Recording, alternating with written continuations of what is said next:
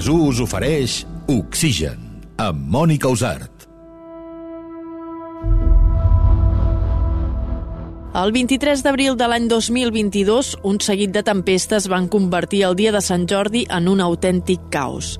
Estones feia sol, estones es tapava, de sobte començava a bufar el vent i descarregava una forta tempesta amb calamarsa. I tornava a sortir el sol. Aquesta seqüència es va repetir unes quantes vegades durant tot el dia i va afectar moltes zones del país, entre elles la ciutat de Barcelona. Què va passar? S'havia avisat prou del que podria passar? Els llibreters, editors, escriptors i lectors estaven previnguts? En aquest episodi ho intentarem resoldre.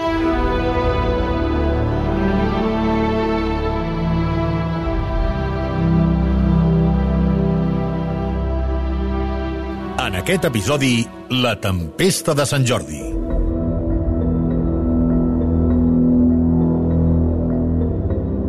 Hi ha certs dies a casa nostra que mirar el cel és especialment important.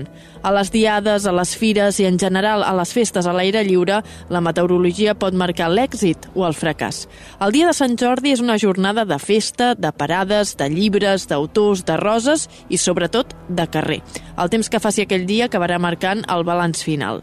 El dia abans de Sant Jordi, al món RQ es va fer una tertúlia d'editors i va passar això. Us he parlat de, de llibres, però és una vessant que es parla poc, que és els que sé si els que pateixen, els que mimen, els que en- ens cuiden, els que ens suporten, uh, que són els editors i editores.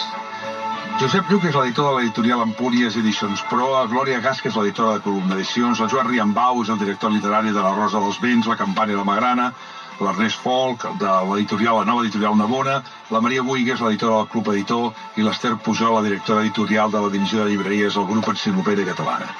A tots sis, bon dia i moltes gràcies. Bon dia. Bon, hola, bon dia.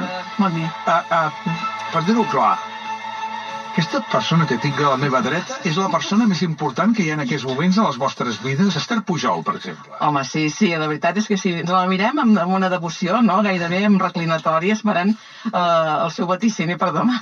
Mònica Usar, bon dia novament. Hola, bon dia. Quina pressió, eh? Sí, sort que no és el meu primer any, perquè si no hi hauria fugit. No. Hi, ha, hi ha algun canvi respecte a les 8 del matí? No, es manté tot igual. Sí, sí que és veritat que respecte als mapes d'ahir ha millorat la cosa si mirem Barcelona i voltants, però hi ha zones on es manté aquesta pluja que dèiem, tot el que és Catalunya Central, Pirineu, Prepirineu, continua el risc de pluja durant tot el dia i especialment al matí. A la resta seran aquests ruixats més intermitents i fins i tot es poden intercalar amb estones de clarianes. Per tant, tindrem aquest típic dia variable. La previsió, doncs, era d'un dia variable, canviant un dia típic de primavera. Oxigen.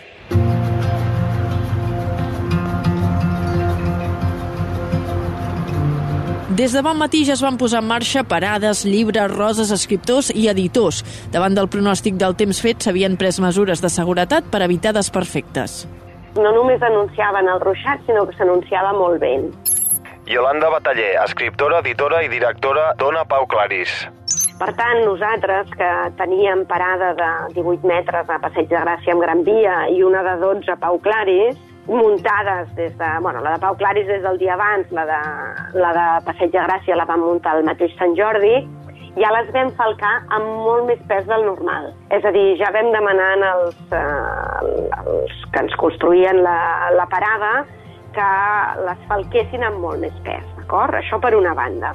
Doncs per nosaltres va ser un dia immensament preciós perquè més d'una Pau Claris era la primera vegada que tenia parades al carrer i tenia una de dimensió, això, eh, 18 metres de Passeig de Gràcia i la de 12 a la cantonada de Pau Claris Gran Via.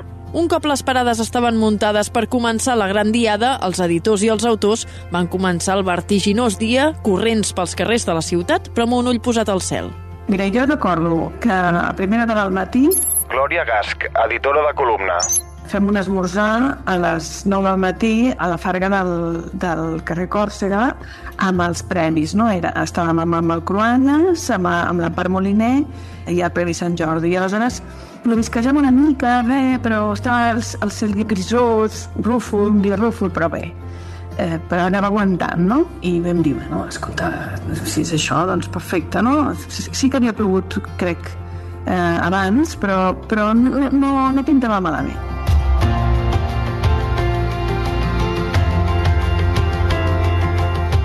A primera hora del matí el cel era molt canviant, però va arribar un moment en què el sol va guanyar la partida. A partir d'aquí tothom es va relaxar pensant que ara era impossible que el temps canviés de manera radical. Vam fer les entrevistes, que crec que vam, anar a RAC1, etc i a les 11 van començar les signatures. I jo acompanyava el Toni Cruanyes i ens tocava doncs, anar Passeig de Gràcia avall. Començava avall i havia, havíem d'anar pujant. I recordo que després de la primera signatura, és a dir, a les 12, va, va sortir el sol. Anàvem cap a la segona i va sortir el sol. Uh, I aleshores recordo perfectament que ens vam fer una història a Instagram gravant-nos en directe. Oh, ha sortit el sol, visca Sant Jordi. Bé, vam veure el cel blau i per tant vam dir, ja està, ja ho tenim això.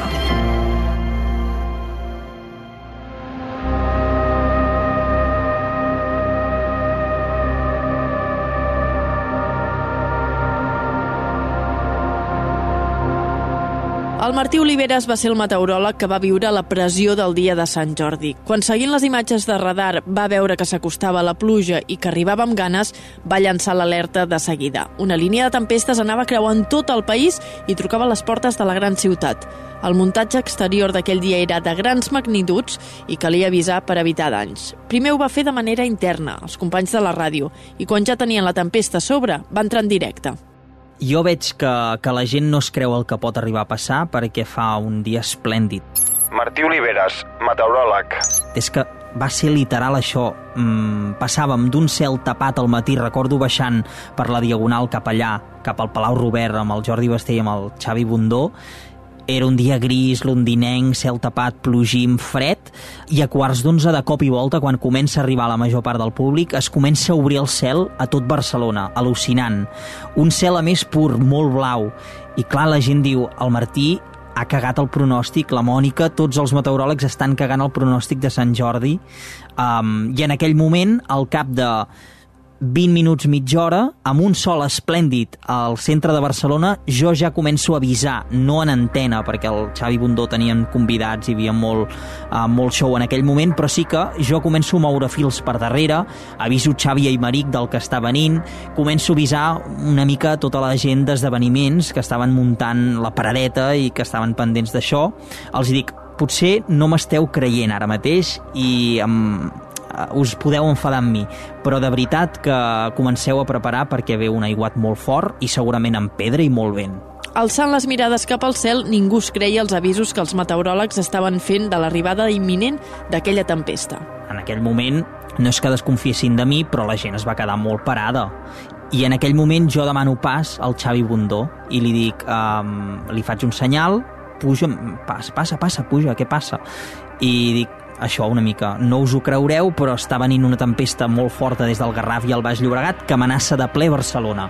Per tant, en qüestió de 20 minuts plourà molt fort, amb vent i amb calamarsa. Jo en aquell moment el cel era completament serè, per tant, sí que m'estic llançant a la piscina, però amb una evidència, que és que el radar i la direcció d'aquesta tempesta era molt clara.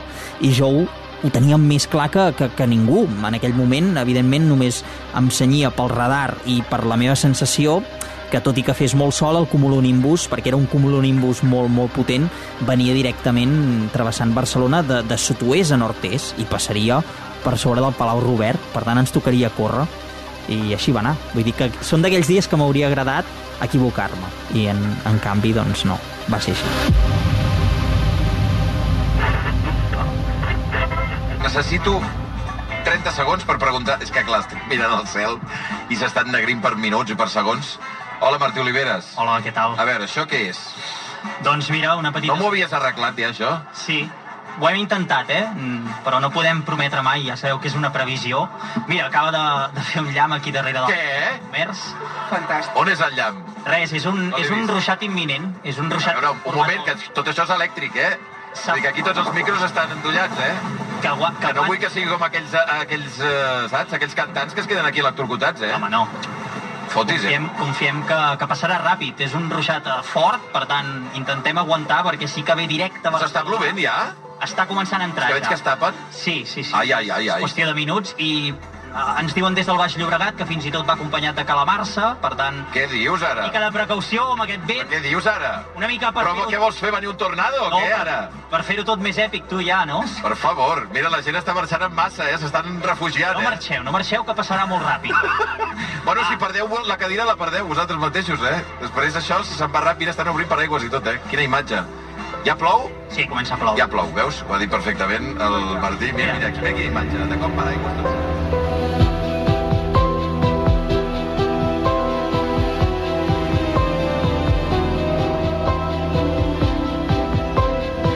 Les gotes d'aigua cada cop eren més grosses. Aquella era una típica tempesta de primavera, amb el cumulonimbus ben desenvolupat i ben carregat d'aigua i de calamarsa. Els carrers s'omplien de paraigües que s'anaven obrint, però ningú, ningú marxava a casa. La gent continuava fent cua perquè els seus autors preferits els signessin els llibres. Els escriptors, entregats, firmaven exemplars a tota màquina i la tempesta agafava força. Vent, calamarsa, pluja...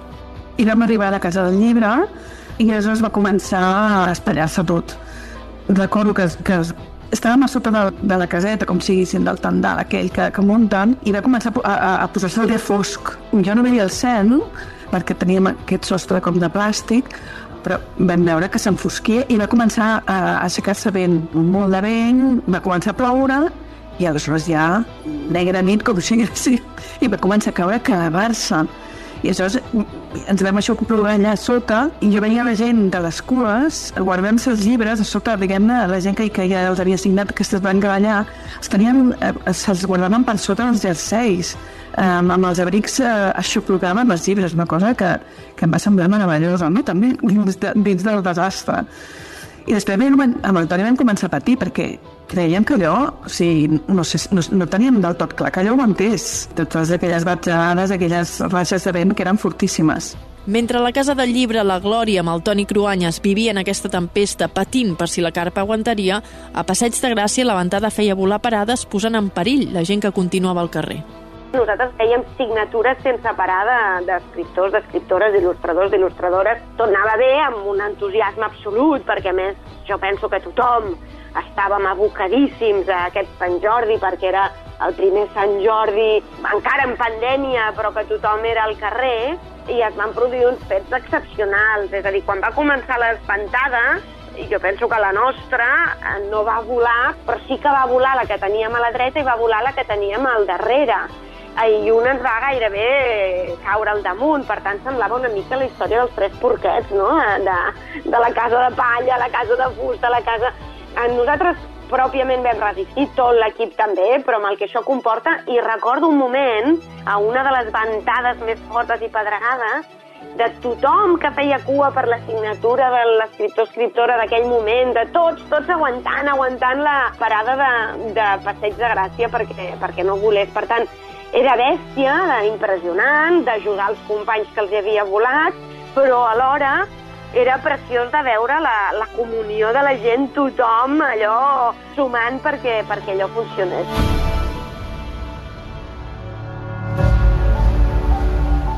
I una de les grans coses d'aquell Sant Jordi va ser la germanor, la solidaritat i la resistència de tots els protagonistes de la Diada. Quan va començar la tempesta, que va ser molt de cop, Empar Moliner, escriptora. Jo crec que, que, era, que, que devia ser la tercera firma de, del dia, que devien ser les 12, però no me'n recordo gaire bé. I jo estava al costat d'en Califàtides. Jo tenia encara cua i va, i va començar a pedregar. La gent que havia fet la cua no se'n anava i, i estaven firmant els llibres que estava plovent. I llavors en Califàtides i jo vam estar rient molt perquè els meus eren de tapadura i van aguantar com uns reis i els seus eren de tapat tova i no van aguantar tan bé. I llavors vam posar-nos els llibres com vam poder a sota de, de, les, de les samarretes i vam córrer a, a refugiar-nos. Però va ser divertit perquè jo sempre en els meus editors els dic que prefereixo que els llibres no siguin tapadura però que no costin més de 20 euros perquè jo sé que el meu tipus de lector compra molts llibres i prefereix pagar poc i, i, i, i li és igual la tapadura, però com que era un premi, tenia tapadura. I llavors aquesta tapadura em, em va salvar els llibres.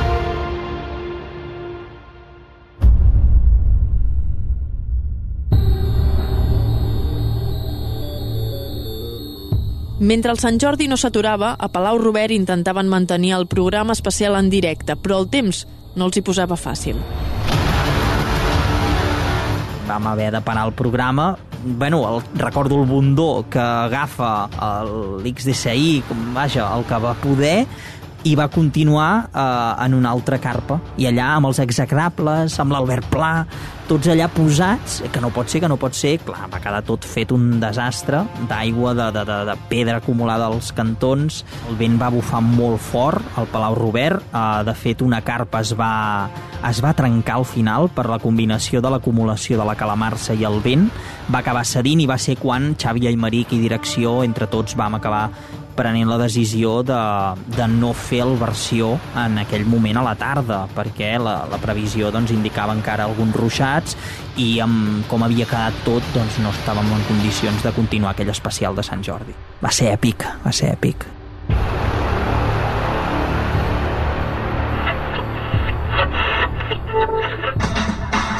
Ara són tres quarts de dues del migdia. Esteu bé?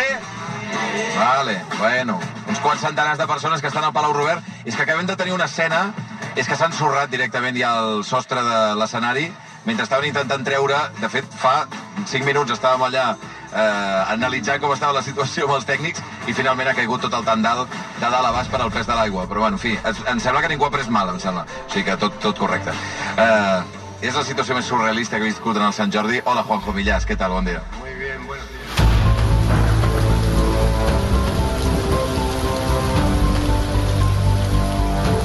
Sembla que estàvem al Passeig de Gràcia i vam anar corrent. Empar Moliner, escriptora. Jo i la meva editora, la Glòria Gasc, corrent pel Passeig de Gràcia cap amunt al dinar de, de la meva editorial, que era el, el Condes de Barcelona. La Glòria i jo vam anar corrent com a loques, però, però com a loques, a més amb talons, eh? Com, com a loques, i vam arribar al Condes de Barcelona, que ja hi era tothom, però nosaltres vam, vam arribar més tard, mm, ostres, i, i, i, i ens ho vam menjar tot, tot, tot, tots els canapés, les croquetes, tot, tot, tot, tot, tot. Aquella estona del migdia va servir perquè tothom intentés recuperar forces, però el temps no va donar treva. I vam pensar que ja pararia, no? Però no va parar, no va parar. I el, això no es va aturar i al, al migdia, quan ja havíem fet mos eh, i, i anàvem amb l'Ampar Moliner cap a la primera assignatura de la tarda, al migdia, en el record, no sé quin carrer era, crec que era de Passeig de Gràcia i, i de la Catalunya, va tornar a ploure, va tornar a caure que la massa. I ens vam quedar absolutament... Doncs és que no, no, no, no, no, no ens ho podíem creure ens vam aixoplugar en una porteria d'una casa, d'entrar d'uns pisos amb més gent, que l'Empar anava dient, veniu, veniu, aixoplugueu-vos, estan aquí, estem bé. No, vam arribar a Bacus i tots mullats i, i fets un desastre i, i ben van comentar la jugada no? amb els altres autors que anaven trobant i va continuar plovent no es va aturar Oxigen.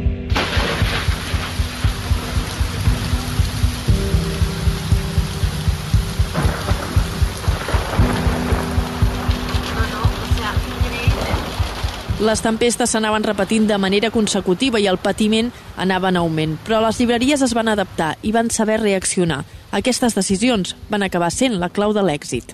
Va ser molt increïble de patiment, perquè òbviament això que t'explico i reaccionar en el moment doncs implica decisions difícils, eh? de cop canviar totes les signatures i tota la gent que encara passava per la parada de Passeig de Gràcia, redreçar-la cap a Pau Claris 94, doncs no és una decisió fàcil, però bé, eh, és la que vam prendre per protegir tothom, no? perquè creiem molt que abans que res van les cures de les persones, tant de, de les persones de l'equip com de tothom que, que, que és ona, no? que és per tant tots vosaltres, tots els lectors i lectores, i va, ho van protegir molt bé, es van anar fent totes les signatures allà a la boqueria, eh, la part de fusta de la llibreria, i a més amb una cosa molt maca que al final de la jornada, ja cap a les 9 de la nit, el David Alegret, el, el tenor, eh, va cantar, no? I per tant, jo recordo les últimes signatures que ara mateix em ve el flash de l'Òscar Dalmau signant, de... També hi havia l'Empar Moliner, la Carnicero, no sé, molts, molt, l'Oriol Malet, molts, molts escriptors, escriptores, il·lustradors, signant allò a última hora i el, el David Alegret cantant. I la gent, en comptes de fugir, va passar per sobre del desastre i va perseguir els seus autors preferits fins a aconseguir la signatura. Molta gent de, de la firma aquella que va començar a ploure van anar a l'altra. I llavors vam acumular els, els que quedaven de, uh, en, en, la, en la següent parada, però el, a la parada del Califàtides mm, vam firmar tothom, eh? Perquè si anava plovent i anava caient pedra i, i, i els llibres eh, mullats. I jo me'n recordo que vaig, vaig firmar llibres que s'estaven mullant. Va ser, va ser espectacular allò, increïble, no oblidaré mai. Amb una de les coses que coincideixen totes les persones que aquell dia, per una raó o una altra, van patir la tempesta, és que va ser un Sant Jordi especial i per recordar. Jo recordo una imatge eh, que em va semblar dura, però alhora també molt meravellosa, que és que entre, estàvem a, a la font, amb l'empar, a la font que estava de la Cruïlla entre Gran Via i Passers de Gràcia, i reuades de gent, mai millor dit, reuades de gent amb el paraigües, caminant, eh, anant a buscar els seus llibres. Això és una cosa que no, que no és un fet insòlit arreu del món. Jo deia, això és portada de tot el diari del món. És a dir, gent buscant els llibres, no se'n va anar ningú. Ningú va marxar en, en aquest país, que no plou mai. Quan plou, la gent es queda a casa. No, no, no sortim, estem acostumats, com en altres països. Cap el dia de Sant Jordi no va, no va marxar ningú, no?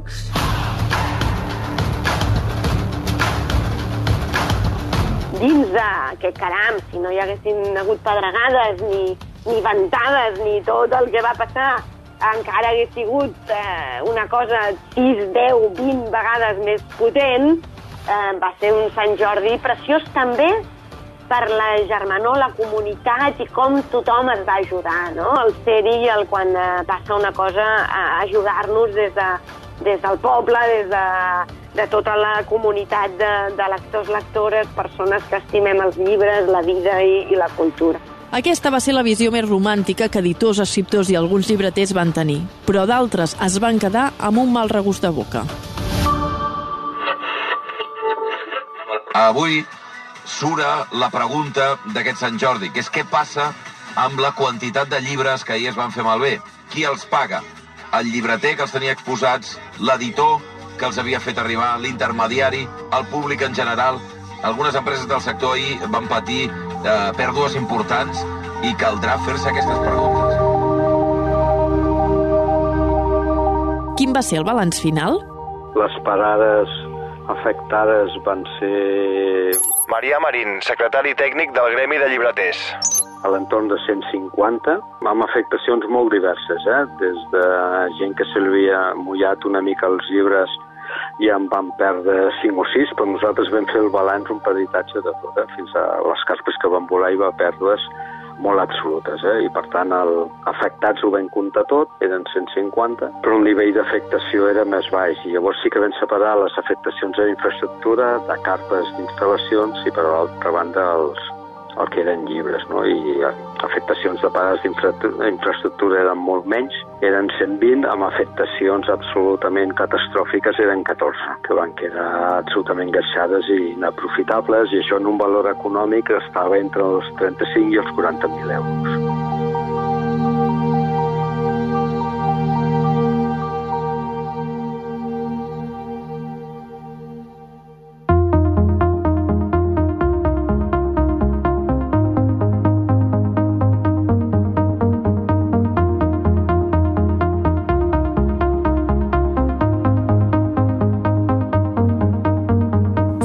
Les tempestes de Sant Jordi van convertir aquella festa en un èpic i meravellós caos. Tot i que les previsions ja ho indicaven, res va aturar aquella diada. El país va tornar a aixecar el cap i ho va fer amb un somriure.